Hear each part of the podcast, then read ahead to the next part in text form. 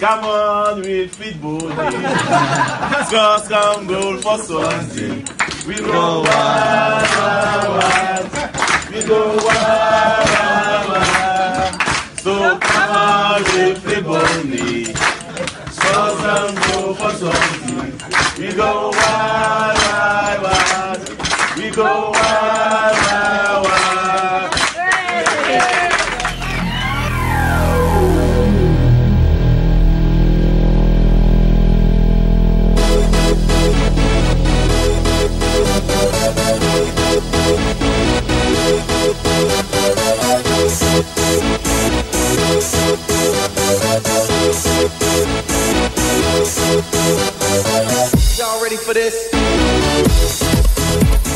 Sweden calling. Ja, Italia risponde. Hur är läget eh, där nere i Toscana? Ah, nu vill jag hem va Gusten. Nu, nu, eh, nu har jag fått nog. Inte av Toscana och eh, inte av eh, maten eller någonting sånt där. Men, eh, men jag saknar vår studio. Jag saknar lite ordning och, och reda. Och tio dagar i september när det är så här mycket fotboll alltså. Det, det är inte helt lätt när man ska ratta runt på olika familjer och, och vara någon slags eh, reiseleiter. Så att, nej men jag, jag behöver komma hem. Så jag åker hem imorgon så blir allting ordning. Och vet du vad som är så jävla nice då när jag kommer hem Gusten? Nej? Jo, då ska vi sätta upp vår studie för allting har kommit. Eh, Kim och grabbarna som har hjälpt oss eh, med eh, tekniken eh, ligger i, i, på vårt kontor och är bara redo att, eh, att sättas upp. Och eh, det är många som har frågat eh, vad som händer egentligen med Ponne, vad som händer med utrikeskorrespondenten. Det är ju till och med så att Ponne själv har skrivit, vad fan, vad, vad gör ni? Varför ringer ni inte mer? Har jag gjort det något? Men det är ju, det är ju så enkelt, vi försökte ju ringa Danne en gång och vi hade med det i avsnittet men det blir, det blir så jävla dåligt ljud och det blir fördröjning och det, det, det funkar inte att hålla på med någon annan form av lösning. Men nu har vi köpt topputrustning, så snart är Ponne med på banan, utrikeskorren, vi får väl se om till och med inrikeskorrespondenten svarar någon gång nere i Göteborg. Alltså innan vi kommer in på inrikeskorrespondenten, jag har en rolig liten nugget där som jag har konsumerat alldeles nyss. Så måste jag bara stanna till vid Ponne där, för där är det ju också så. Att eh, det är inte bara tekniken eh, som, som är Ponne emot, utan det är ju också att han aldrig levererar när vi väl ringer upp honom. Fy fan vad den gubben spyr galla på WhatsApp och snackar så jävla mycket. Han har så mycket att säga om allt och alla och det är rykten hit och det är bekräftelser dit och dementier dit och riktigt härliga stories. big. Sen Men- så fort när man ringer upp och slår på rec alltså, då, då, då sluter sig den där musslan alltså. Sen dagen efter man har, man har snackat med Ponne, då kan man, då vet man, då kan man ju läsa i KVP om någon riktigt smaskig detalj i kontraktet eller du vet, någon, någon gamla story eller sådär. Ja, ja visst, med direkt citat från Ponne. Exakt. Men 18 Locket timmar tidigare så, har han sagt att jag, kan inte- jag kan inte kommentera det eller det är en, match i taget som gäller. Egentligen så Nej, går han ringer- loss med sabeln i WhatsApp-gruppen alltså. Vi ringer upp Ponne här och så ber vi något riktigt smaskigt från eh, Bulgarien-matchen här senast. Någon som sular någon, någon flaska i väggen eller någon som skallar någon i omklädningsrummet eller så. Ja, Själv dels kommer vi komma Bulgarien, hem. dels, dels landslagssamlingen men framförallt också eh, Leeds eh, säsongstart. Det har varit eh, otroligt imponerande. Tråkigt här nu då att man åkte på första torsken och att Ponne gick ut skadad. Så att det är absolut hög tid att ringa Ponne. Ja, nej, men det är verkligen hög tid. Men jag tänkte bara säga det att Eh, du på tal om att skalla och omklädningsrum och så. Jag kommer ju komma hem och du kommer tro att jag har varit i box här nere på Virsilia-kusten som det heter. Har Eh, för det? jag har ju då, jag har ju halvknäckt eh, näsa, lite svullen och, och har sårskorpa mitt på näsan. Ser precis ut som att jag har varit och boxats. Vad har hänt då? Jag spelade fotboll med Stella och så sprang jag in i jalusivet. Med näsan först. Så du vet, jag flög upp. Jag sprang in så hårt med näsan så att jag, jag, benen flög upp och jag landade hårt i marmorgolvet här. Eller så kanske ska jag göra som eh, Glenn Strömberg då. Alltså, bara erkänna att nej, men det var krogslagsmål. Ibland måste man klippa till. Det hade...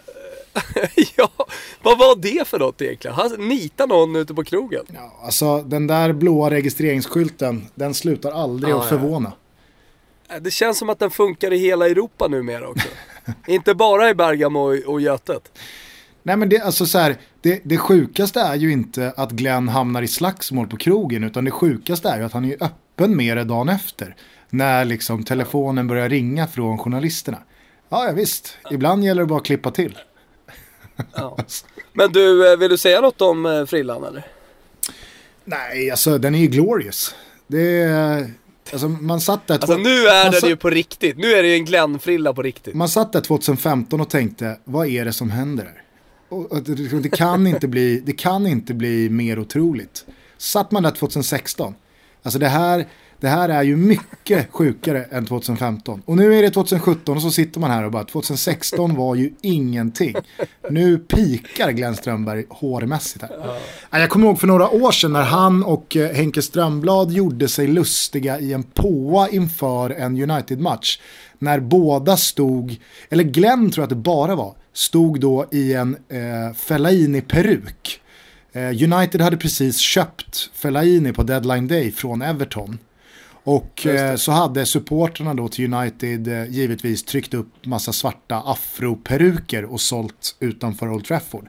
Och då hade ju Glenn då eh, köpt en sån och det var väl lite halvroligt eh, liksom avslutningsgrepp på påan för att lätta upp stämningen sådär. Men det, det är liksom det ironiska i det här, det blir ju när någon med så excentrisk frisyr som Glenn tar på sig en sån där peruk så blir det ju inte lika effektfullt som när någon med en normal frisyr gör det. För att det, liksom Glenn kan nästan sätta på sig vilken frisyr som helst. Och det, och det så är blir det ju på samma blir, nivå.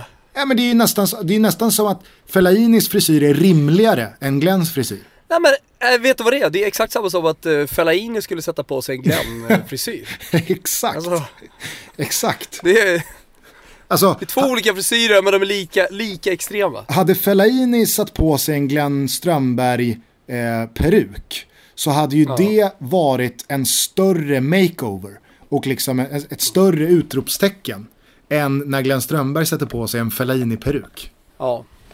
Glenn, är väl, eh, Glenn är väl på väg in i uh, Toto-studion. Ja, men problemet med Glenn är att han har ju 277 resdagar per år. Så det gäller ju att nypa honom när han väl kommer till Stockholm och ska förlänga och kanske höja arvodet på Viasat-kontraktet. Eller om det nu är SVT-kontraktet på tal om blå reggskylt. Eh, så att vi, vi ska försöka nypa honom så fort han kommer till Stockholm. Han är på väg in, helt klart, i, i Toto-studion. Eh, det är också någonting som kommer hända nu när vi kommer tillbaka. Vi har lite gäster som står, som står eh, på led va, utanför kontoret och är redo. Ja, alltså jag tänker bara antingen så, så får väl eh, det vara eh, att han ska hem till Stockholm för att omförhandla den där registreringsskylten. Eller så får vi locka med en riktig rövarrunda på, på, på stan. Kanske han tänder till. Kanske, ja, det, det, det kommer säkerligen bli någon slags eh, kombination. Ja, nej men utöver Glenn Strömberg så skickade jag faktiskt mail till eh, Filip Hammar idag. Jaha, vad säger han då? Nej, han har inte svarat än. Jag kan väl inte riktigt eh, Känns påstå, att det påstå att, jag, att jag hoppades på ett svar så här bara på några timmar. Men Filip Hammar är ju eh, kanske din och min allra största förebild i hela jävla tv-branschen. Nej, det vet jag fan om jag ska säga. Men, men du, jag måste läsa här. Får jag, se här. jag måste kolla på ditt mail som du har skrivit här. Uh, Okej. Alltså det enda jag tänker att du... Det är lite för långt mejlet. Ja, jag kände det också. Det är fem stycken. Och det är lite för mycket så här. Ja men ska vara lite skön och vara lite schysst. Det är ju som, det är som en fanboy har skrivit det här. Nej, kom hit. Jag, jag, Det enda jag gillar, det enda jag gillar det är att du skriver då Sveriges största fotbollspodd. Alltså att du sätter ner lite foten där också och visar att vi minsann också har gjort någonting i alla fall i den här branschen. Alltså, som man inte försöker mäta sig då med, med, med Filip eh, Hammars värv. Men man måste ju ta någon slags tidig position i ett sånt mejl. Eh, jo, bara innan vi går vidare, eh, så att jag inte glömmer det. Eh, på tal om då inrikeskorrespondenten Erik Friberg. Jag lyssnade alldeles nyss på Olof Lunds eh, senaste podd med eh, Häckens Ahmed Yassin. Eh, jävla succé. För, nyförvärv får man ändå säga för Hisingelaget eh, som har tagit in Yassin på lån från AIK blev framröstad till månadens spelare här i augusti och har öst in mål från sin ytterposition. Han satt i alla fall hos Lund och du vet ju hur eh, den där faktarutan går till. Han får frågan, vem är den bästa du mött och vem är den bästa du spelat med? Då börjar han svara på frågan vem den bästa han har mött är. Då säger han Kaká och Neymar. Får man ändå säga är ganska, det är ett ganska tungt svar. Och sen så fortsätter han bara liksom utan att Lund bryter in med att säga och den bästa jag har spelat med, ah, det måste nog vara Erik Friberg. Piggar ju upp alltså. Ja, det är fin. Det var väldigt, väldigt Kanske oväntat. säger någonting om lagen han har spelat i också. Jo, men det är ju ändå uppfriskande att höra så tvära kast. Från Kaká och Neymar till Friberg i samma mening. Kanske säger det någonting också om eh, liksom Fribbe som fotbollsspelare och inte bara om vilka lag Yassin har spelat i. Ja, nej men alltså det är det är nog många som glömmer bort att han har vunnit MLS och varit en nyckelspelare i det laget. Och det, det kanske inte är, det går inte att mäta sig med toppligorna i Europa men det, det är i alla fall någonting. Och bara att vara en del av ett mästarlag och vara nyckelspelare i ett mästarlag det, det är stort nog ska jag kunna tycka. Och han, han tjänar lite pengar där borta också så att det, menar, fan, det är klart att det, det, det, det, det är värt all cred. Jag menar, en gång i tiden så ersatte ju trots allt Fribbe Diamanti i Bologna. Ja, det ska vi inte glömma bort alltså. Alino Diamanti ut. Vad gör Bologna? Sista dagarna på transferfönstret. In kommer Fribbe eh, historiska, historiskt ögonblick. Jag kommer ihåg, jag var ju nere på deadline day i Milano. Folk förstod ingenting. Helt plötsligt så hamnade man ju i centrum, speciellt för de eh, lokala journalisterna från Bologna som var där för att rapportera om de här sista skävlande timmarna. Som, eh, ja men där fick man ju vara med i var och varannan webbsändning och tror också jag gjorde något inhopp i Sky och pratade om eh, Fribbe. Jag hade ingen aning om vem fan han var. Följer inte. Jag har inte följt honom. Aldrig sett honom spela. Jag har sett honom spela men jag har aldrig lagt märke till honom. Så jag, jag skarvade ihop någonting där. För det lät bra. Vad sa du då? Eh, det, var ju inte, det var inte nära den skarven som när eh, Fiorentina-gänget, Florens-gänget ringde mig och frågade om Sam Larsson. Alltså jävlar vad jag snackade upp honom där. Det har vi pratat om i podden också. Nej men sa att han var eh, mittfältsdynamo med extremt fina fötter. Så sa, han, han, eh, han, eh, han är bra taktiskt skolad i Sverige. Men har också jävligt fina fötter framåt. Så han ska nog kunna ersätta Diamanti. Men vet du vad Fribbe lämnade med för liksom vitsord när han gick till Bologna? Eller dels alltså grejen kring Fribbe när han väl lämnade Malmö. Nej, Det var ju att han var Mr 100%. just det. Eh, han hade ju, vad jag tror, tagit alltså, sju avslut under den hösten. Och gjort sex mål. Nu är inte det 100% då, men nästintill. Han kallades i alla fall 100%. Hade ju varit kul ifall han kallade sig Mr 92%. Om, om det var det, så kör man med 92an i Bologna. Nej men du, kan vi inte bara kasta oss kort över eh, det som händer i Premier League? Alltså att Ja. Manchester United... och Man- Ska Aha. vi kanske, ska vi kanske bara eh, liksom bjuda på, på ett par nuggets till? Jag känner att jag vill ändå meddela, på tal om då folk som är på väg in i Toto Balotto-studion. Aha. att eh, du för bara någon timme sedan skapade en WhatsApp-grupp med mig, dig själv och Micke Lustig. Just det. För att eh, Lustig kom ju till Toto Är Lustig eh, ett dragplåster verkligen i de här sammanhangen? Ja, det får man väl eh, absolut säga. Känns som att han upplever Okej. någon slags eh, så här, andra andning nu också. Jo, men om man har tagit något slags eh, stjärnstatuskliv, det tycker jag. Sen har jag ju varit så otroligt bra i, i landslaget också på slutet. Det är Men trist med självmålet i Champions League. Ja, men framförallt så tror jag att eh, han gynnades av att nästan hela det äldre gardet slutade, men han så självklart skulle vara kvar. Alltså det, det blir ju lätt så att någonting adderas till spelare som helt plötsligt, bara över en sommar nästan, helt, alltså känns rutinerade. Och känns liksom som en liten pappa i laget. Helt Ja, men plötsligt så... Albin, eh, Albin är ju på samma nivå kan jag tycka också, så, så här, som en ledar, gestalt och lite, lite, jag ska inte säga pappa, men i så fall snarare då storebror till, till de här lite yngre spelarna som har kommit in. Ja men precis, helt plötsligt så var bara Albin en av de mest rutinerade, en av de äldsta. Eh, hur som helst så eh, kommer Lustig och gästar oss eh, i början på oktober. Det är ju landslagssamling, sista för eh, kvalet. Luxemburg hemma, Holland borta, det vet ni vid det här laget. Så det ska bli jävligt kul och då så flyttade vi över våran konversation från Instagrams DM-korrespondens eh, till då WhatsApp. Du skapar vad en är grupp. den där, förlåt men vad är Instagrams DM-tjänst? Den är varför finns den överhuvudtaget? Det är, det är en otroligt ointressant diskussion. Du skapar i alla fall den här WhatsApp-gruppen och eh, du, du döper den. du döper den alltså till i versaler, bear in mind bara, Discovery. Och sen så kör du då som, som logga eller som bild på den här WhatsApp-gruppen. Discovery Network Swedens logga. Vi- Discovery så förde oss samman ju. Vi hade, inte, vi hade inte suttit den 3 oktober med, med Lustig om det inte hade varit så att eh, Discovery fanns med i bilden. På något sätt. Han har ju liksom, han har ju nästan blivit kidnappad i hela Toto Balutto-rörelsen. Ja, ja.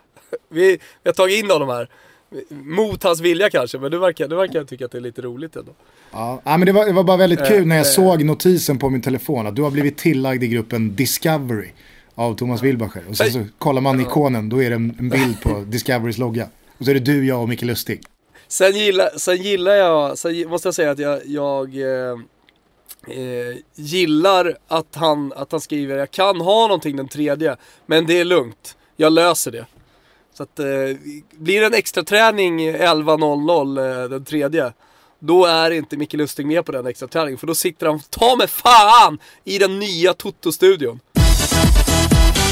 Vi är fortsatt sponsrade av Refunder.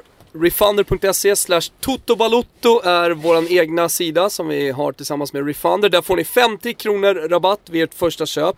Och det här är då en eh, samlingssida för en massa olika nätbutiker.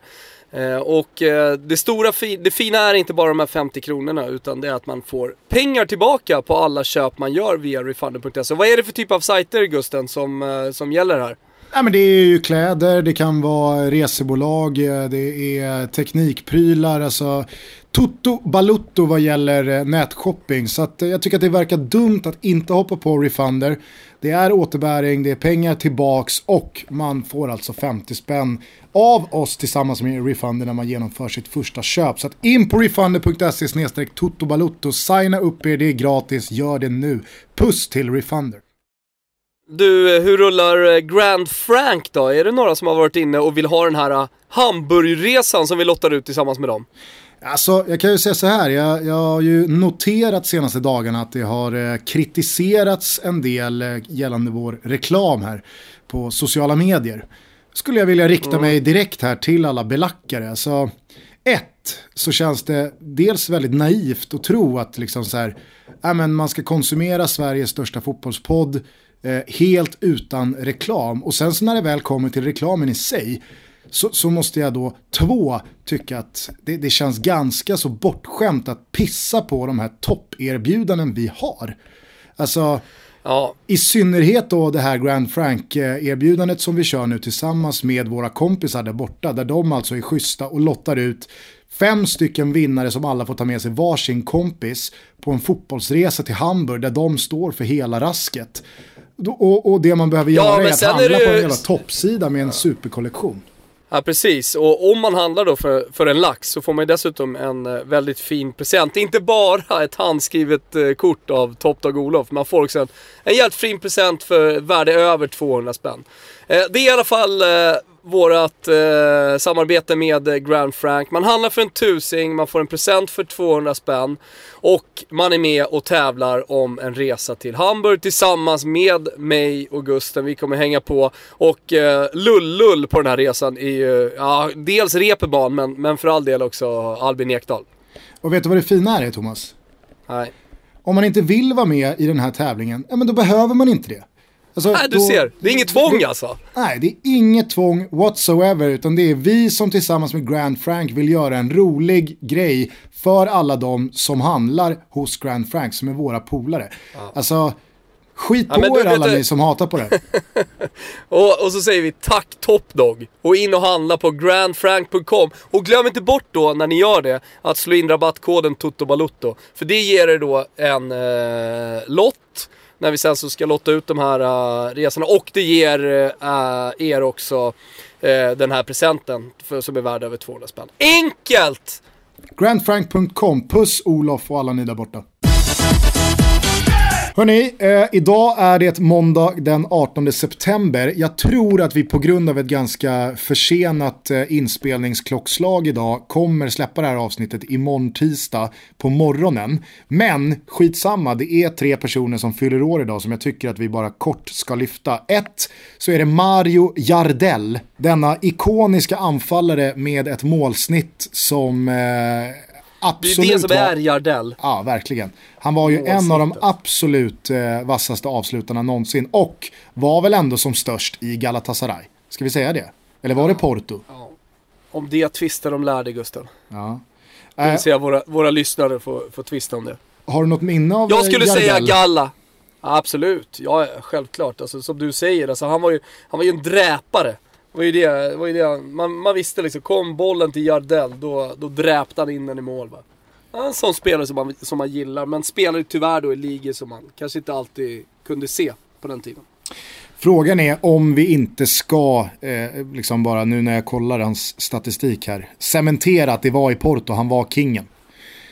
Han gjorde alltså 130 jävla mål på 125 ligamatcher. Ja, det är otroligt. Det är ju Helt helt, sjukt. Jo, men i ett lag, ska också sägas, som totaldominerade eh, liksom, mot eh, 98% av motstånden. Ja, jo, absolut. Men det är ju, Jo, det är ju det är bisarra som- siffror. Jo, självklart, självklart, men, men eh, ja, det, det, ska, det ska ändå sägas tycker jag. Grattis säger vi också till Sol Campbell. Eh, den gamla mittbacksklippan från Tottenham, sedermera Arsenal. Han blev ju Judas med hela norra London.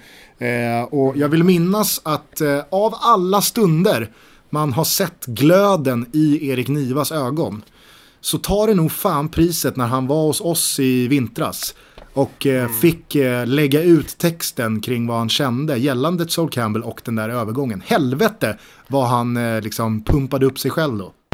Däremot gick det faktiskt att tänka sig en framtid som byggde på Soul Campbell, för han var det enda vi hade. Soul Hope for the Future som det hette i parollerna då. Och det var liksom allt vi knöt upp hela existensen på. Att det är för jävligt nu men det kanske blir bättre när vi kan bygga ett lag runt Soul Campbell.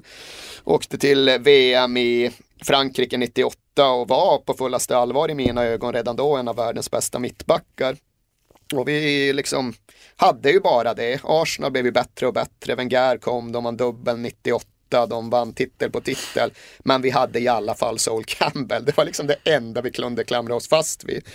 Och sen går han som bossman till Arsenal efter ett helt långt jävla år då han har givit löfte på löfte på löfte. Ja, ja, men jag ska stanna, det är lugnt. Nej, Tottenham-fansen behöver inte oroa sig. Skulle jag någon gång lämna Tottenham så blir det såklart en av klubbarna i utlandet. Och det var inte så att han saknade alternativ. Liksom, skulle han gå som bossman hade han kunnat gå till vilken klubb i världen som helst. Men nej då fan, han skulle gå till Arsenal. Han skulle ljuga sig igenom ett helt jävla år och fullborda det ultimata sveket. Ni kan ha er Figo-historia från Katalonien. I mina ögon kommer det alltid vara Campbell som definierar fotbollsfalskheten. Nej men det, och det, det, är ju, det är ju så för alla, alla stora Tottenham-fans, eh, alla för, eh, för vilka Tottenham verkligen eh, betyder någonting och så, så alltså när, när den typen av övergångar sker, alltså till en ärkerival, då, då mår man inte bra. Det har man ju som supporter varit med om flera gånger, men det där var ju något av det värsta. Frågan är om just de här övergångarna inte bara håller på att bli utan kanske också är ett minne blott. Jo, men eh, vi har ju varit inne på det och jag menar det, det, är, det är någonting som man såklart diskuterar med den moderna fotbollen, eller moderna fotbollen så som fotbollen ser ut idag. Alltså att, eh, alltså många av de här stora övergångarna mellan de stora lagen inte är, no, inte, inte är så jävla konstiga längre. Eh, om, vi, om vi kollar på de, de randiga nordlagen i, i Italien så har det mer eller mindre suddats ut. Det är klart att de kommer få busvisslingar och om du byter Milan-Inter, inte Juve, eh, som kanske är det största hatet där. Men, men eh, det, det, jag menar, desto fler övergångar som görs mellan lagen, desto mer så börjar man eh, sudda bort eh, antagonismen och, och man, man det, det, är liksom inte lika mycket hat. Ganska naturligt så blir det ju så efter ett tag. Alltså man, man blir rutinerad, man blir ruttad på något sätt. Ja, men det känns som att idag så finns det egentligen bara två stycken eh, transfervägar som ingen ännu har tagit ordentligt. Okej, okay, Figo gjorde det för eh, 16 år sedan. Men sen mm. dess så känns det som att eh, övergången Real Madrid till Barcelona eller tvärtom, den görs inte. Och samma sak vad gäller Roma-Lazio. Ja, precis. Finns ju några genom tiderna, så vi, vi minns ju eh, Il Raggio di Luna. Gör vi verkligen det? Ja, men alltså några är väl ändå med på den. Några som har följt med sen Calciomania-tiden och Borrells eh, och min podcast eh, Kilometer d'Amore har ju såklart eh, hört om Il Raggio di Luna. Vet du vem det är eller? Ja, Selmosen. Selmosson ja. Precis. Han eh, gick ju mellan då Roma-Lazio och eh, när han gjorde mål i derbyt året efter att han hade gjort den övergången så valde han att inte fira. Och eh, det var första gången som det hade hänt. Så att han var ju då första upphovsman till icke-firandet. Eh, och det ja, är ju, är ju upp, uppmärksammas lite titt som tätt ska jag ändå säga italiensk media för det. Ja, men jag tänker bara på eh, liksom, de övergångar som gjorts senaste åren. Eh, top of mind så har jag då liksom, ja men Iguain kunde ju gå från Napoli till Juventus. Eh, finns det någon, eh, liksom någon sån här förbjuden flytt att göra i Frankrike? Jag vet inte, där känns det som att där, där har spelare spelat i både PSG, Marseille, Lyon. Man har nästan gått däremellan. I England ska vi inte tala om, liksom, du vet, van Persie. I, Tyskland i och, med, i och med Hummelsflytten och efterspel som inte var något efterspel. Eh, efter att eh, Dortmund-fansen först hade bränt då Mario Götzes tröja. Och sen blivit tvungna att öppna armarna och ta tillbaka honom när, när han kom tillbaka till Dortmund. Ja. Nej men då gick ju Hummels till, eh, till Bayern München, men då, då sa man ingenting. Och sen så kommer jag ihåg, vi pratade om det i podden också, men då, då använde ju folk arg argumentet att nej, men han är ju fostrad i Bayern. För han, hade, han är fortfarande, eh, kan ha lirat en A-lagsmatch med Bayern men, men eh, det var liksom, ja, det var i Dortmund han hade kommit fram, det var i Dortmund han hade exploderat. Och det var i Dortmund han hade blivit en uh, tysk landslagsman.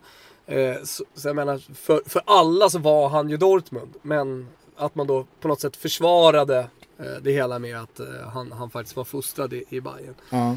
ja men i, i, Så, nej, men i och med, i och med det icke-efterspelet så måste man ju säga, och med tanke på hur, hur, hur dominanta Bayern München är så, så finns det ju inget, inget, ingen motsvarighet. För nu pratar vi om, om de stora lagen såklart. Såklart, eh, alltså, det, det, skulle väl kunna gå att argumentera för att det inte är allt för många flyttar som görs mellan Schalke och Borussia Dortmund. Alltså de, de mm. edsvurna fienderna i, i, eh, i Rurområdet. Men det finns säkert någon som kan slå oss på fötterna där också och, och, och peka på en övergång som gjorts. Alltid. I Premier League så har vi de senaste åren sett egentligen alla transfers göras från Arsenal eh, till United i form av van Persie, från eh, Chelsea till Liverpool, från, mm. från Arsenal till Manchester City, herregud. Sol Campbell då personifierar väl flytten från Tottenham till Arsenal. Du har, egentligen så är det väl bara klubbytet Manchester United-Liverpool eller från Liverpool till United som fortfarande mm. har någon slags tröskel som är väldigt, väldigt hög. Ja, Nej, men jag, jag håller med. Sen så är det ju många övergångar som kanske är svåra också. Alltså man tänker på till exempel City United eh, med tanke på hur stora spelare är. Alltså hur, hur krånglig övergången är. Skit i, eh, skit i antagonismen mellan klubbarnas fans. Men alltså det, det, det är krångligt i sig med att de konkurrerar med varandra så man vill inte göra affärer. Nej men samtidigt så såg vi en Carlos Tevez gå från United oh. till City. Så att det har ju hänt. Oh, ja. Alltså eh, det, det har ju hänt. Men eh, folk får ju givetvis eh, fylla på då med eh, liksom, eh, de, de här förbjudna flyttarna om det fortfarande finns kvar några sådana. Men jag tror, alltså, jag tror lätt att vi om, om tio år så finns det inga trösklar kvar. Nej, det i alla fall alltså om det stannar vid burop. Jag menar Figo, då var det, då var det tjurhuvuden och grejer som, som, som kastades och förr i tiden så var det ju mycket vanligt. Vi kommer när Jesper Jansson eh, gick från AIK och jag menar hela det efterspelet som fortfarande lever på ett eller annat sätt också. Nu är han i Bayern som sportchef eh, och han har ju fått leva med en jävla massa skit eh, på grund av, eh, på grund av eh, hans klubbval liksom. Efter AIK. Eh, så jag menar, Micke Borken var väl, var väl också där. Eh, skulle tatuera in och, och ha sig sådär. Så att man, man, man får ju verkligen se upp och jag tror också att fotbollsspelarna har lärt sig av historien. Man har lärt sig att man kanske inte ska snacka för mycket. Men, men eh, jag, jag tycker ändå att vi kan, alltså, man måste ändå säga att det lever kvar i allsvenskan. Alltså, jag är jävligt svårt att se flyttar mellan AIK, Djurgården och Hammarby, IFK Göteborg. Eh, alltså, det, det, det, det sker inte så många övergångar mellan storklubbarna där. Nej, och där blev vi ju påminda så sent som i vintras eh, när eh, Djurgården och eh, Bosse Andersson mer eller mindre hade signat Broa Nouri och det var klart. Eh, och support, ja, supporterna satte sig på tvären exempel och sa att nej, nej, nej, nej. Alltså Broa Nori ska inte spela en minut i Djurgården och sen så blev väl det där någon slags förlikning i, eh, eh bakom lyckta dörrar. Broa Nori stannade i Östersund, hamnade aldrig i Djurgården. Detta trots alltså, eh, vad är det, 15 år har eh, runnit under bron. Men, men det var ju inte, det kom ju inte på tal för Djurgården att han skulle till, eh, eh till dem. Nej, precis. Och sen så ty- kan jag tycka att i vissa fall så jagar supportrar upp sig lite i onödan. Alltså man, man överreagerar vid vissa flyttar. Som när, när Stefan Ishizak hade lämnat AIK för att spela utomlands, kom tillbaka och spelade i Elfsborg, hade sin tjej från Borås och så vidare. Jag har aldrig funnit något nå, nå stort hat mellan, eh, mellan AIK och Elfsborg. Det är ju liksom knappast eh, Knappast det man tänker på när man pratar om eh, eh rivaliserande supporterskaror. Men ändå så sjöng man, ändå så sjöng man eh, de ramsor som man gjorde i, på, på norra. De, de, de, de köpte jag aldrig alltså. Det, det, kan, det kan jag ärligt erkänna. Vet du vad jag tänker också? Att eh, det, det måste vara sån jävla alltså, indirekt käftsmäll ifall man som spelare gör en förbjuden flytt och ingen bryr sig. Ja, Alltså det måste vara sånt jävla hån. De spelarna som supporterna till då lag A som går till då värsta rivalen. man blir glada. Och nej, inte att glada. Alltså, så här, i- ja, men inte ens Ja. glada utan de, de blir ingenting. De rycker på axlarna. Det måste vara sånt jävla underbetyg till en själv som spelar att satte jag inte ett större avtryck än så här. Det är alltså ingen är som bryr sig att jag gör den förbjudna dig- flytten. Nej. Nej men tänk dig hur skönt det är att göra revanschen då. Alltså jag tänker direkt på Fellaini från Manchester United och han, om han då till exempel skulle ha gått till Liverpool. Då hade ju alla Manchester United-supportrar för ett år sedan sagt, eller eh, ett och ett halvt år sedan, när, när fan man vill, hade ju sagt Gött! Ta han bara alltså. Jag, jag, jag, jag, jag bär honom över till eh, Liverpool. Det klassiska. Håll med om att det, det, det är en sån övergång som, som fansen hade skrattat åt. Alltså Manchester United-supporterna här hemma fans. Jo, absolut, men jag tror att vi pratar om olika saker. För du pratar ju om en spelare som supporterna till ett lag då tycker att ja, men han har varit så jävla dålig, ha ha ha, ta honom ni, skitsamma. Ja. Jag pratar om spelarna som ingen ens, alltså, ingen ens noterar, ingen ens bryr sig om att de går. det, är Alltså, vare sig, det är inte det kul, händer ju typ inte. det är de spelarna jag... Oerhört jävla, liksom. Idag, det är väl ingen övergång som man inte reagerar på. Speciellt Ah, mellan Säg toppklubbar. inte det, alltså. det är, för det är de Du har ju övergångarna jag... ingen top of, top of mind. Du har ju ingen. Inget exempel top of mind. Jo, jag Det är ska, bara att du jag ska önskar hitta att det skulle hända. Jag ska hitta Du ett vill under ju att det avsnittet. ska... Jag ska får hitta se, ett under se. avsnittet. Kommer aldrig hitta någon. Nej, men eh, jag ska, jag, ska, liksom, jag, jag lovar dig, jag, jag, ska hitta, jag, ska hitta, jag ska hitta en övergång. Det finns ett grattis till vi måste dela ut här. Aha. Det är ju bara en gång per år han fyller år. George Moradona Morad. Ja, Eh, det är bara en gång per år. Maradona fyller ju idag 35 bast har han hunnit bli denna eh, klassiska Otroligt. anfallstank från eh, Västsverige. Eh, idag så tillhör han ju Utsiktens BK, men på tal då om förbjudna övergångar så är det ju här, precis som väldigt många andra Göteborgs fostrade spelare, en eh, lirare som har representerat både två och tre och fyra lag i trakten. Slog ju igenom i Västra Frölunda innan han hamnade i IFK Göteborg. Bombade ju aldrig in speciellt mycket mål, men han hade någonting. Alltså det här var Ja, det ju... Det här var ju ganska tidigt 2000-tal. Det var ju inte jättemånga liksom, svenskar med invandrarbakgrund som hade slagit igenom på bred front i allsvenskan ännu. Eh, och han kom där med sitt långa hår och sitt och sin kaxighet lite samtidigt. efter Zlatan Ja. och sådär. Och kändes, ja, han kändes så jävla fräsch. Trodde, man trodde ju verkligen att George Nej, med. han kommer gå långt. Ja. Nej men det, det, det var ju George Murad, det var Kendi Bakircioglu, Lolo Shanko kom. Alltså det, det, det, var ju ett helt gäng som, som eh, tog allsvenskan lite med storm där. Ja, sen så var det ju också Andreas Jakob Haddad. Ah, fan vad jag älskar, där har du spelare som jag alltid har älskat alltså. En riktig nummer nio typ, synd på alla skador. Han kunde bli, nu ska jag skarva lite, han kunde bli hur bra som helst. Jag, jag tror fan på det. Jag Ja, det- tror att han hade kunnat bli hur bra som helst om han inte hade skadat sig för mycket. Det trodde ju Haddad också. Jävlar vad mycket, ja men med all rätt alltså. Han hade förstått, jag och Haddad fattade po- potentialen där i den kroppen.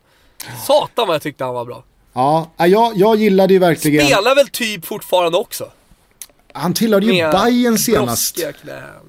Jag tror fan att han la av efter Bayern alltså. Eh, Men, men jag tänker ja, jag, alltså, jag tänker något nå- i, i, i typ Konjaspor eller någonting sånt. ja, eller så är det en, exakt en sån spelare du inte ska springa in i en fredagskväll med Rönninges veteraner.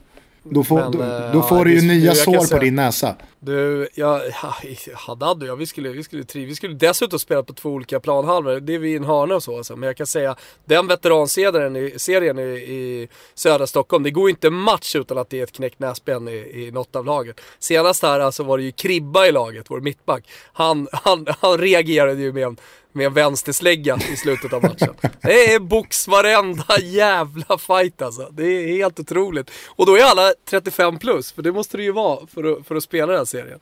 Ja, det är sånt tjafs alltså. Antingen så är det på Vårbergs IP, eller så är det Fitte, eller så på Salemsvallen hos oss. Alltså, det, är, det är ständiga bråk. Och så är det så jävla trevlig stämning innan och man hälsar och, och allting sånt där. Alltså, sen så ska det ändå, vet, folk in från sidan. Och, ja, det är så jävla stökigt i veteranserien söder Stockholm. Men du, vad fan, Men om det är kul. någon slags eh, 35 plus-årig åldersgräns så är ju nu George Morad tillgänglig för ett Ja, samtal. Mm, kanske man ska ta på sig sportchefshatten då och, och, och lyfta luren. Ja, han har ju en, eh, en säsong här för några år sedan i Syrianska, i Södertälje. Och alltså, nu vill inte jag generalisera för mycket, men har man assyrisk härkomst som eh, Morad har så känns det ju som att eh, man, man, har ju, man har ju vägarna förbi Södertälje ibland. Ja.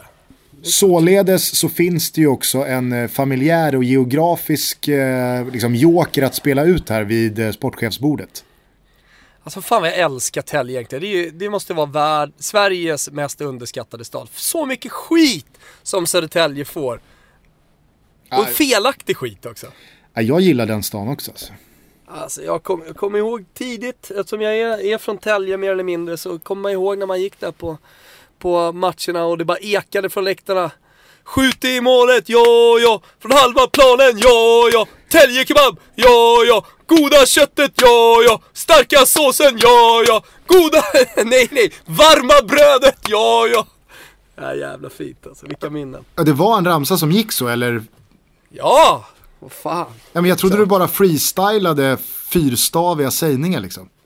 Nej, nej, nej, nej. Det är på riktigt.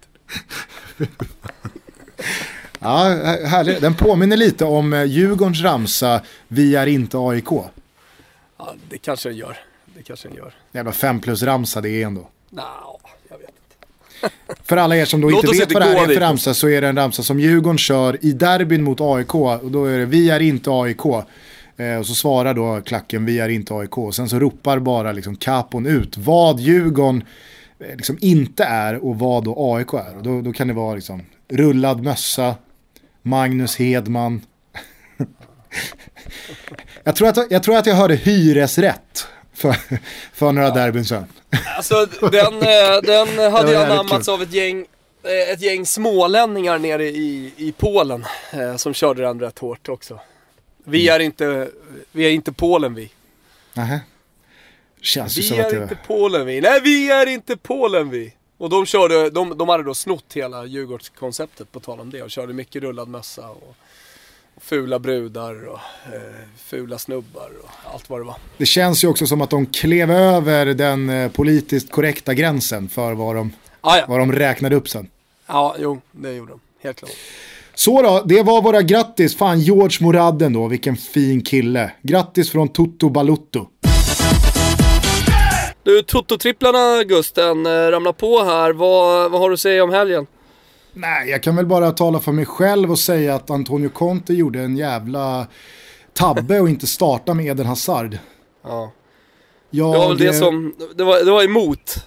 Nej, men jag tycker ändå, alltså visst, nu har säkert Conte bättre koll på, på Hazards fysiska status än vad jag har, men jag tyckte att Chelsea blev ett helt annat lag så länge han var på plan och de fick vara 11 gubbar.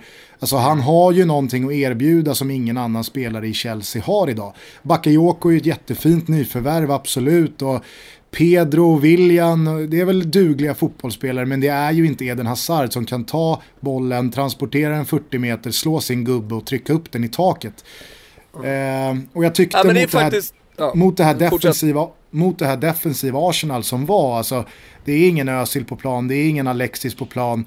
Eh, så, så tyckte jag ändå att eh, Conte fegade lite som väntade så länge med Hazard. Så att, ah, det var ju Chelsea ifrån att jag satte min igen. För de andra två, det var ingen snack. Ippan Du- 2-0 och Malmö, en riktig asfaltering av Bayern. Mm, ja, där var du verkligen spot on. Den satt man ju med som eh, singel. Eh, men du, eh, det, är inte, det är inte ofta som eh, jag hamnar i ett läge där, där man verkligen är snett på det. Alltså det är ofta två av tre och det, det är någon stolpe ribba emot och, och så vidare. Men i helgen, då var jag fan snett på det på, på vissa håll. Och det är bara att krypa tillbaka till grottan och göra jobbet ännu hårdare. Det kom ju en midweek-omgång.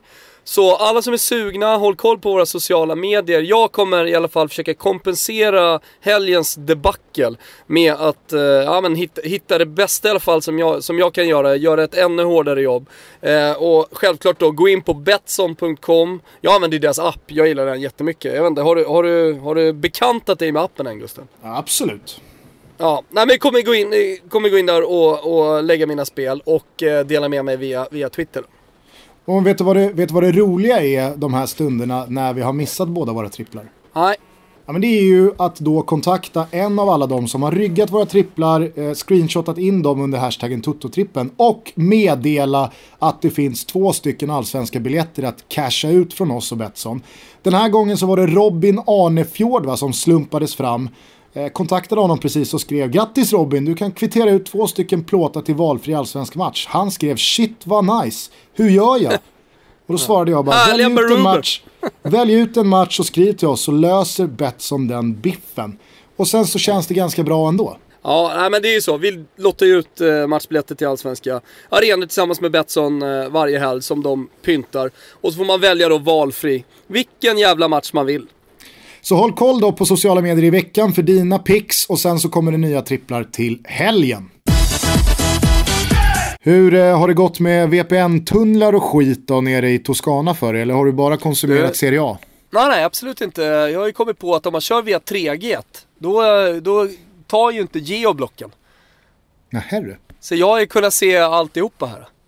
Så fort jag loggar in på wifi, då, är- då är det kört vet du. Då, då blockas eh, sändningar. Men, eh, men Telia-appen, fan också, man kanske inte skulle säga det här. Nu sitter det något Telia-folk såklart och lyssnar på det här. Nu kommer de ju åtgärda det så jag förstör för övriga svenskar som är ute med Telia-appen.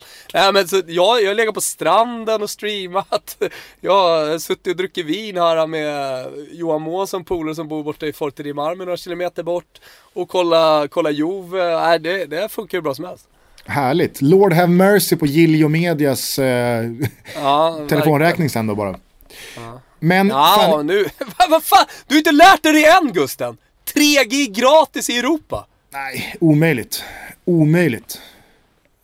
Helt, ja, du, du är så trött på de där grejerna alltså. Det är som att sitta och surra med en, en tidigt född 60-talist alltså. Jo men alltså så här. 61 Nej, nej men okej, nu, nu måste jag ändå kliva in här för att jag vill, alltså så här, jag kan ju inte ens titta hur mycket jag vill på eh, mina Viaplay eller simor appar här hemma i Sverige utan att internetet till slut tar slut. Och då måste man ju köpa nytt. Så att det är väl klart som fan att det gör det i Italien också. Alltså, jag, jag, har streamat, eh, jag vet inte hur många matcher jag har kört på. Det är, det är mer eller mindre obegränsat och när du väl köper nytt så kostar det typ ingenting för att få lika mycket till. Jag säger det, de har släppt upp det i Europa. Kan du fatta det någon gång bara? Hur ska det vara så, hur ska det vara så svårt? Du är fan född 89 Gusten. Var lite jävla modern. Vad håller du på med? Alltså du kan vara som bakåtsträvare alltså. Det, det är fan sorgligt alltså. Det är tur att du inte sitter i någon ledande position på något företag eller i något, något politiskt parti eller vad fan det ska vara. Ja, det kanske är tur.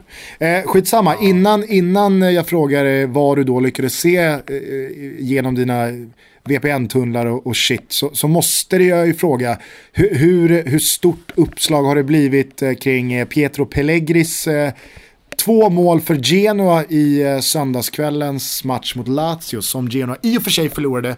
Men där Pellegri, alltså 16 år gammal, bombade in två pytsar. Ja, men det är såklart jättestort. Det, han, är, han är med på första sidan i Gazettan. Det pratas om, om honom i alla de här fotbollsmagasinen. Ja, men självklart, det är, det är stort. Han är, han, är, han är som du sa också historisk och han gör det en match mot Lazio. Nu, nu var det lite trist för hans del att uh, målen inte räckte till några poäng då kanske. Men, men sen är ju hans farsa ju dessutom team manager. Team manager? Alltså, vad är det förresten? Du, jag kan, alltså, tala om, jag, kan ta, jag, jag kan tala om för dig vad team manager är. Det är ju nämligen Morgan DeSantis nya titel i, i Romas eh, stab. Jo, ja, men det är ju så här, man vill, ha, man vill ha kvar spelare, man vill ha kvar människa, men man har egentligen ingen riktigt tydlig roll. Du är för dålig för att vara sportchef, assisterande sportchef. Eh, har inte riktigt kompetensen för att sköta scoutingen.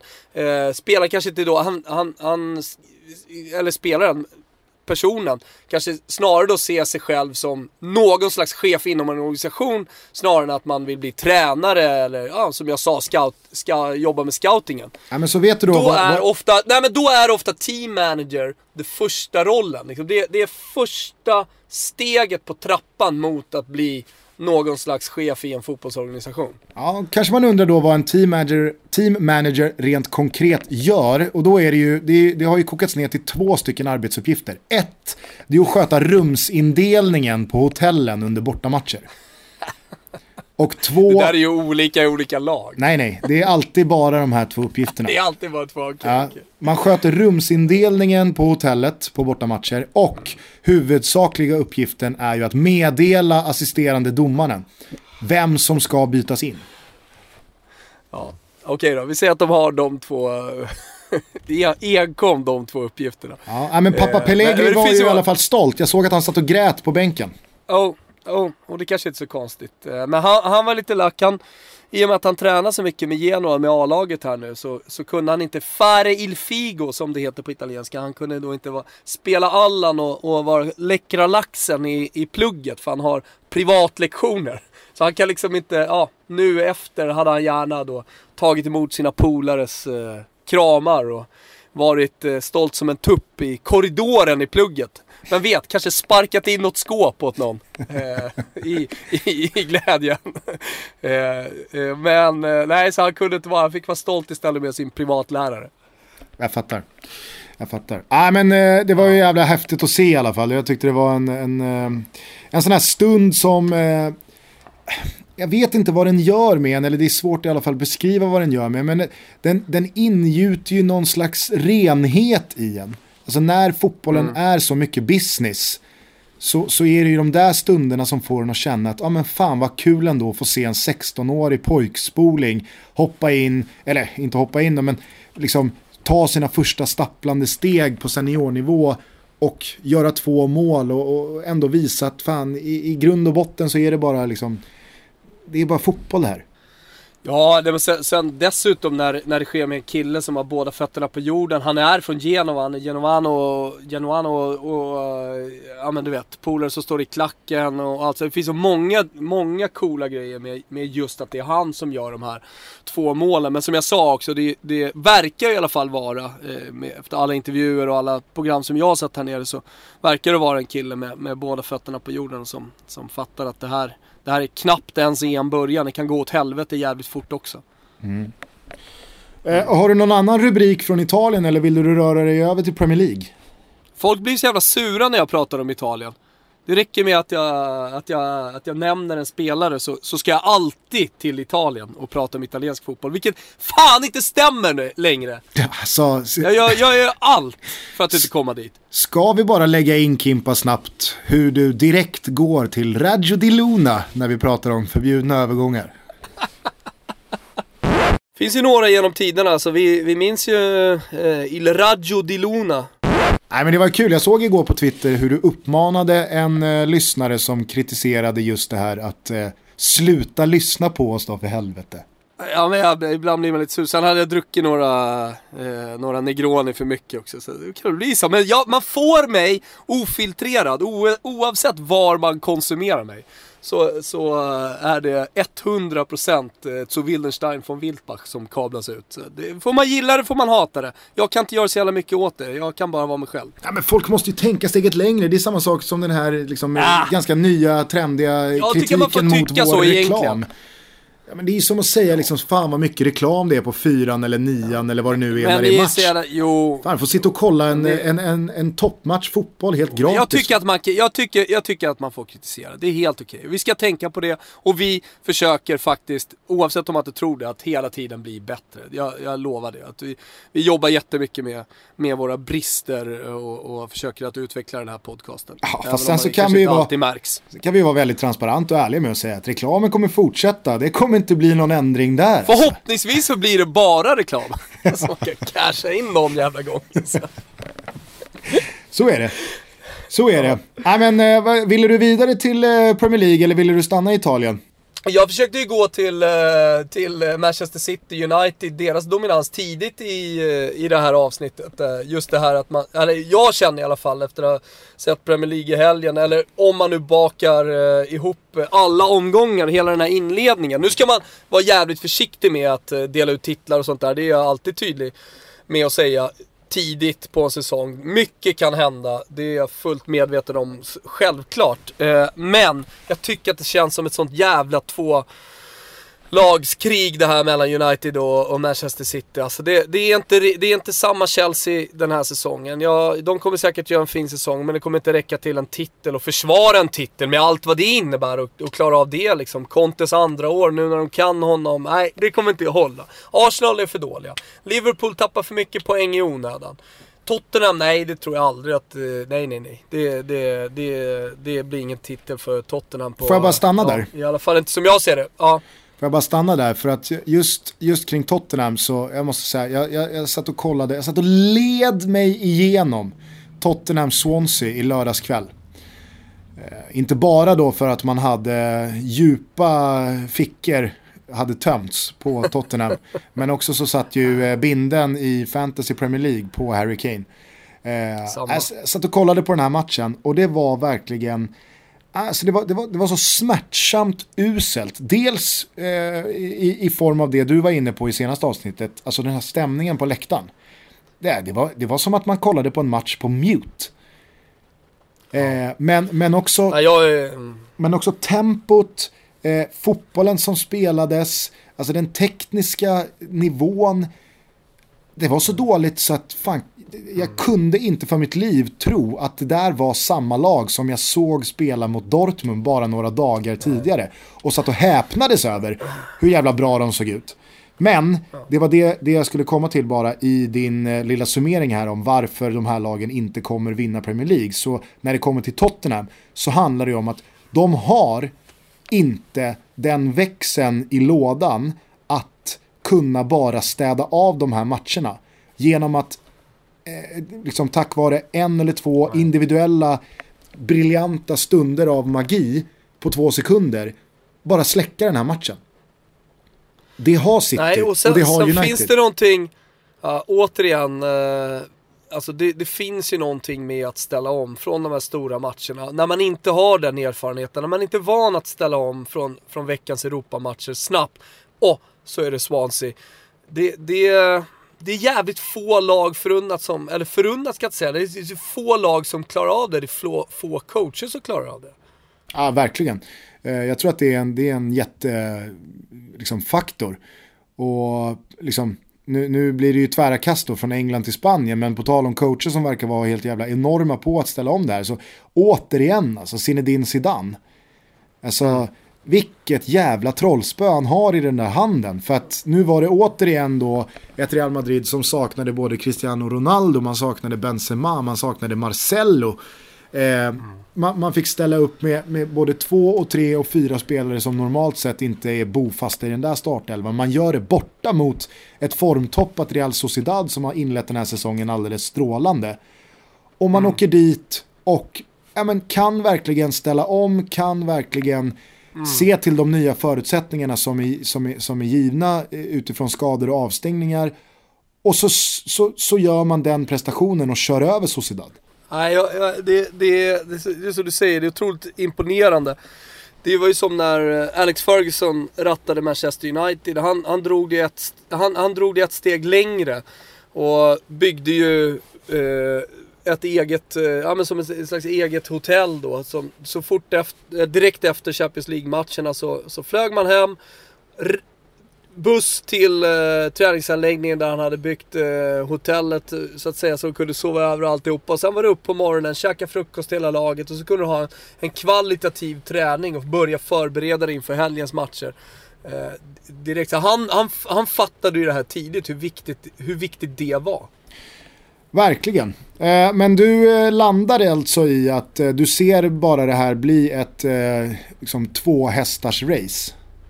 Ja, jag kan inte se det på något annat sätt. Eh, jag, vet, jag vet inte hur, hur något annat lag ska ha en, ha en chans att hänga med i det tempot. Eh, eh, och, och börjar man dessutom då börja analysera trupper, kolla bredden, eh, så hur, hur klarar man av skador? Eh, förutom då tuffa matchningar när, när det ska spelas var tredje, var fjärde dag hela, hela vägen nu fram till, i stort sett fram till i januari då. Nej. Nej. Och Liverpool verkar ju inte riktigt ha lärt sig där heller att vinna mot dem, mot dem. Alltså bara det som du snackade om att ställa av de mindre lagen.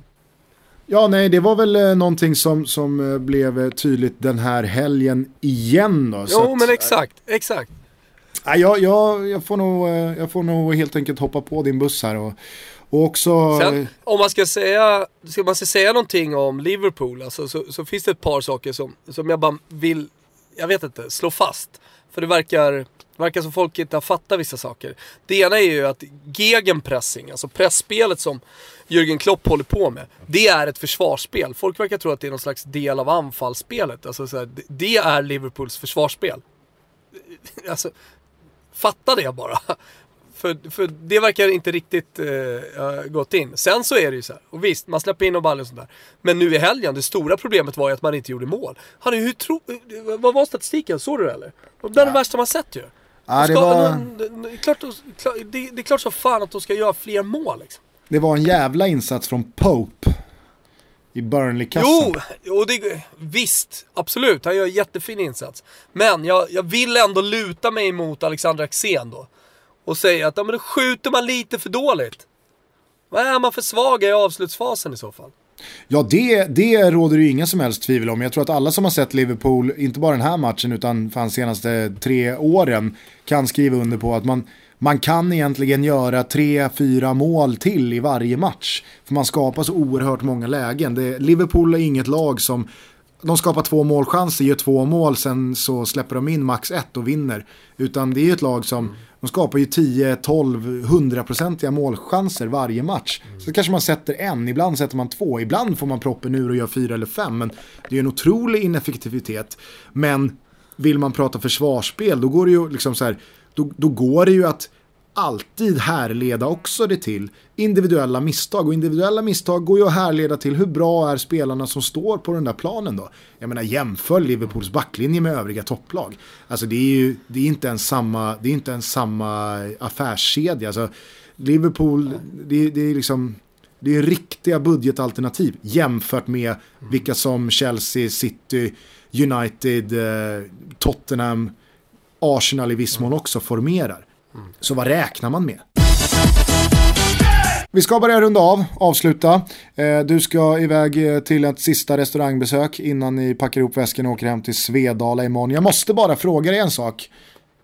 Det har blivit en liten het potatis eh, här hemma i, i, i Sverige kring oss som följer allsvenskan vad gäller Hammarby-supportrarna som nu för andra gången under väldigt uppmärksammade former stod kvar länge efter match och sjöng brände av några bengaler, ryckte tröjorna, stod och hoppade och studsade och körde bara loss i en halvtimme, 45 minuter efter slutvisslan. Igår borta mot Malmö, i somras var det borta mot Elfsborg. Och det här verkar dela supporter Sverige, det delar också lite mig för att jag förstår inte riktigt den sylvassa kritik som de får från då antagonisternas supportrar som verkligen pissar på bajarna som står kvar och kör. Jag vet inte, hur, hur, hur ser du på det? Varför, varför hånar folk det så jävla hårt? Ett, eh, för att man kanske ser då att det är lite förlorarmentalitet, att man inte är sura efter att laget har gjort på en sån dyngtage. Alltså nu, nu pratar jag om vad, vad, jag tror att, alltså varför folk reagerar som de gör. Inte någon egen åsikt. Eh, eller ja, kanske, kanske framförallt det. Två, att eh, jag tror att det ligger någon slags här Helt ärligt så tror jag att det ligger någon liten slags avundsjuka hos väldigt många supportrar till andra lag. För hur, hur Bayern lyckas skapa stämning på, på deras matcher både borta som hemma. Är du med? Så mm. jag, jag, jag, tror att det eventuellt liksom också då eh, sporrar att, eh, att gå emot saker som Hammarby-supportrarna gör. Så om jag ska säga någon, någon, slags egen åsikt så hade jag kanske själv då haft, eh, haft svårt. Men det beror ju på hur många bärs man har fått i sig. Eh, och om nu det, det, här har blivit en grej, det har ju blivit lite av en grej för Hammarby-supporterna. Ja men då får det vara deras grej då. Om de vill ha kul och stå och hurra alldeles oavsett vad det är för resultat. Alltså för någonstans är jag i grunden så, här, så jag, skulle, jag skulle kanske i något läge känna att så här, fan nu behöver spelarna en, en, eh, en örfil. Nu behöver de höra att det här, det här är vi inte nöjda med. Sen kan man sjunga på i alla fall för att det handlar om bara för tröjan och, och för laget. Och det, det, det ska man kunna sjunga för precis när som helst efter en förlust och på tåget ner och på tåget hem.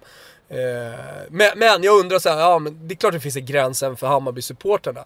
Titelmatch, eh, eller vad vet jag, ett derby, det har varit en usel säsong. Eh, de är på väg att åka ur och möter AIK i sista omgången, torska 8-0.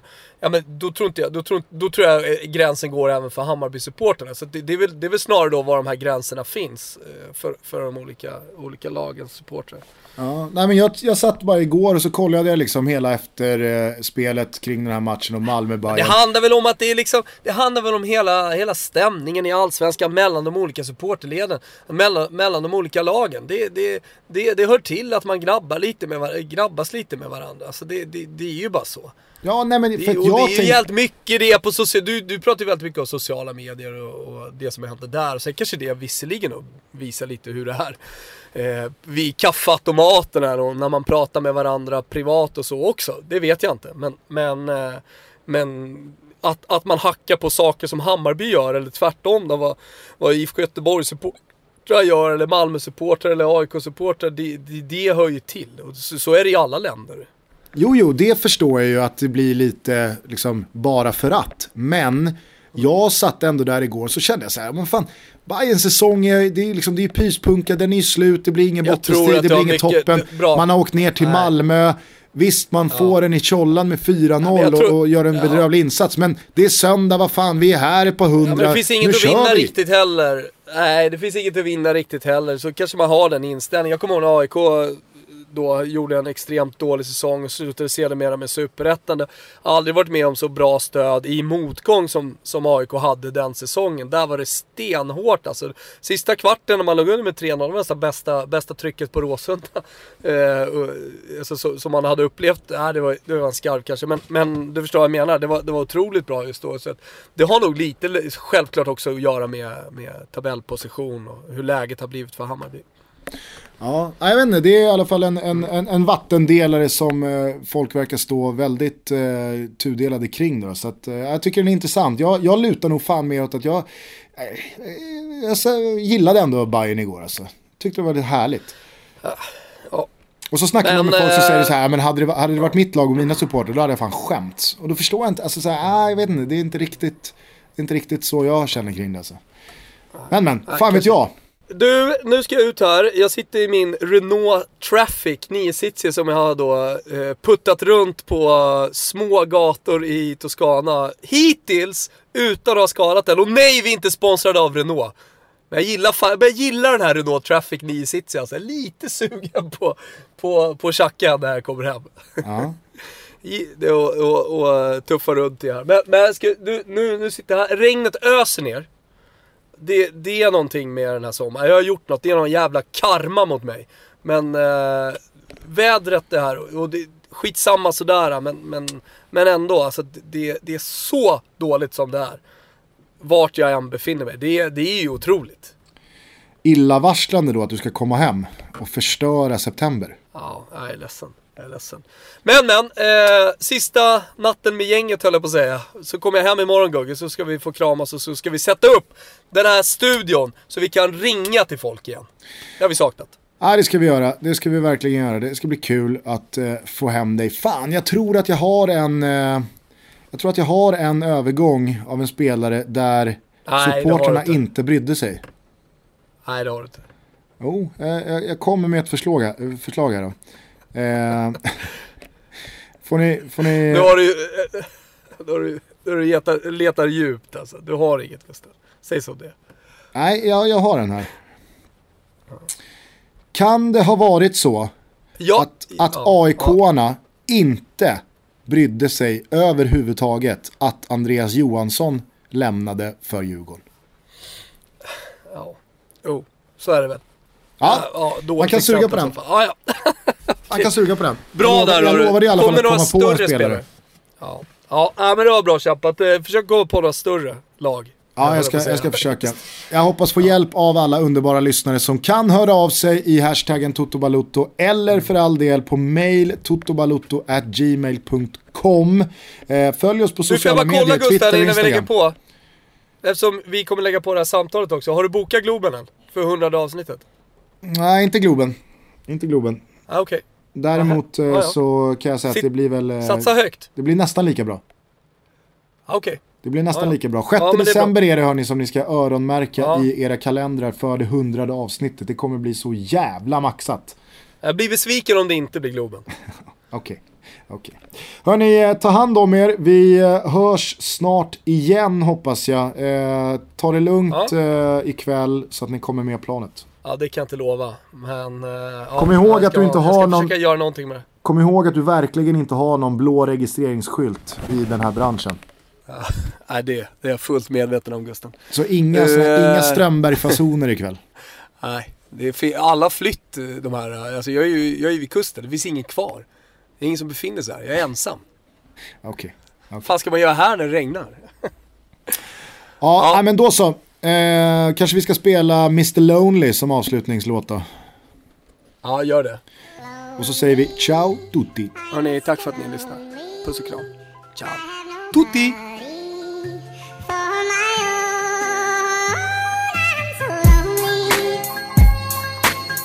Yo, this one here goes out to all my players out there, man. You know, that got that one good girl, dog, that's always been there, man. Like, took all the bullshit. But then one day she can't take it no more and decided to leave. Yeah, I woke up in the middle of the night and I noticed my girl wasn't by my side. Could've sworn I was dreaming, for her I was fiending, so I had to take a little ride. Backtracking on these few years, trying to figure out what I do to make it go bad. Cause ever since my girl left me, my whole life came crashing and I'm so, so lonely. Mr. Lonely. I have nobody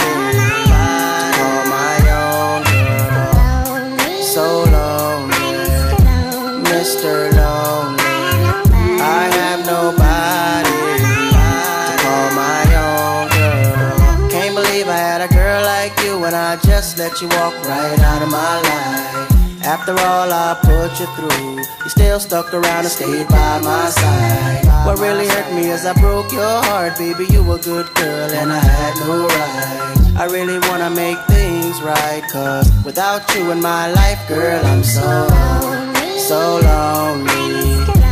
Mr. Lonely. I have nobody